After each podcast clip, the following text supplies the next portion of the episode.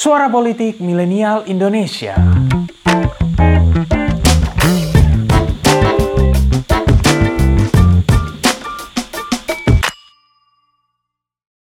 Katanya ngefans sama Bu Puan ya? Bu Puan. Mana iya woy? Wah, Bu Puan anjoy sama satu lagi, Mega Chan. Waduh, lo lo lo, gak bahaya tak? Bahaya, ya. Video tadi adalah video yang diupload di YouTube Podcastan pada 3 Maret 2023 kemarin. Nah, sosok yang menyebutkan istilah Mega Chan tadi adalah Maiden, TikToker yang juga dikenal sebagai gamer. Nggak heran juga sih kalau Maiden nyebutin nama Mega Chan ini. Soalnya sebutan Mega Chan sendiri udah beberapa kali digunakan di TikTok dan berbagai medsos-medsos. Gak percaya? Nyo, cobaan lihat video-video ini yang kebanyakan pakai hashtag Mega Chan.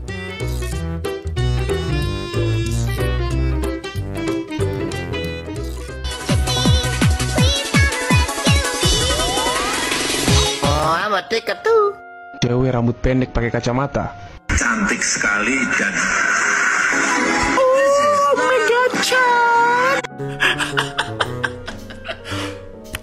Hmm, beneran kan? Dibilang juga apa? But, sebutan atau sapaan Chan ini jelas bukan hal yang asing, apalagi buat kita-kita pecinta manga dan anime alias mereka yang disebut sebagai para wibu.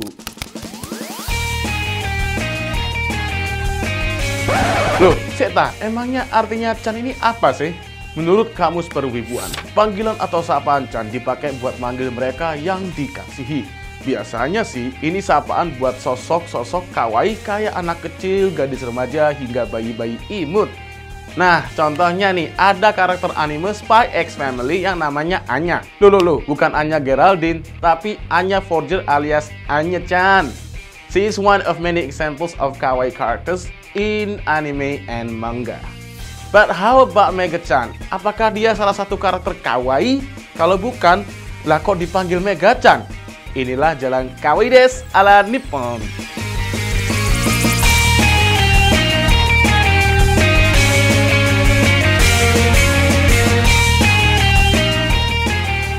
Siapa sih yang nggak tahu dengan anime, manga, sampai ke fenomena JKT48? Mereka yang mengklaim dirinya sebagai wibu atau wota 100% pasti hafal dengan dunia-dunia ini.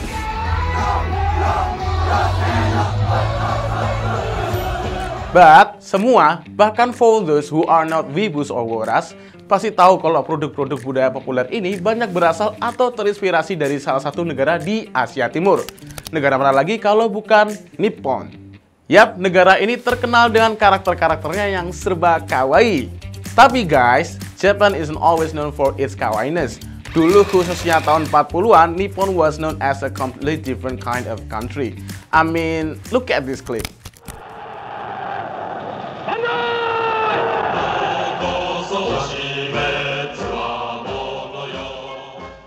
Bukan rahasia lagi kalau Jepang dulu adalah salah satu negara yang paling ditakuti, khususnya bagi negara-negara tetangganya di Asia Timur dan Asia Tenggara. Gimana enggak? Mulai dari China, Korea, Malaya, sampai Hindia, Belanda berhasil diduduki oleh Nippon. Namun, Semua itu berubah saat negara api menyerang. Wait, wait, wait. Bukan ini, bukan ini. Yang benar itu ketika Jepang akhirnya menyerah kepada Amerika dan sekutu pada tahun 45. Since then, nilai-nilai yang harus laki ala ketetaran Jepang yang sudah ditanam sejak tahun 1870-an mulai memudar. Apalagi seperti yang kita tahu, Amerika sejak saat itu juga ngedemilitarisasi Jepang. Perubahan ini nggak hanya berdampak pada lingkungan militer dan pemerintahan. Nilai-nilai maskulinitas yang dipegang oleh penduduk Jepang pada saat itu juga mulai bergeser. Generasi baru Jepang pada tahun 70-an dan 80-an mulai meninggalkan nilai-nilai maskulinitas and it gave ways for kawaii subculture to grow. Tapi apa sih sebenarnya arti kawaii? What makes character or also a person or a thing kawaii? Istilah kawaii biasanya disematkan ketika sebuah entitas yang begitu kecil dan lemah membuat pihak yang melihatnya begitu menghargai kehidupan entitas tersebut. Bahkan saking menghargainya, rela demi apa pun untuk melindungi si kawaii. Pola hubungan yang dominan melindungi yang kecil ini mirip-mirip dengan hubungan antara Jepang dan Amerika Serikat. Nippon, which is small, harus bergantung ke its big bro, Amerika. Apalagi ada sejumlah negara yang bisa dibilang cenderung hostile ke barat, kayak Rusia, Korea Utara, sampai China. Nah, terus dari semua penjelasan kawaii ini apa hubungannya dengan Mega-chan? There is a chance kalau ini berhubungan dengan persepsi politik terhadap Megawati dan PDIP.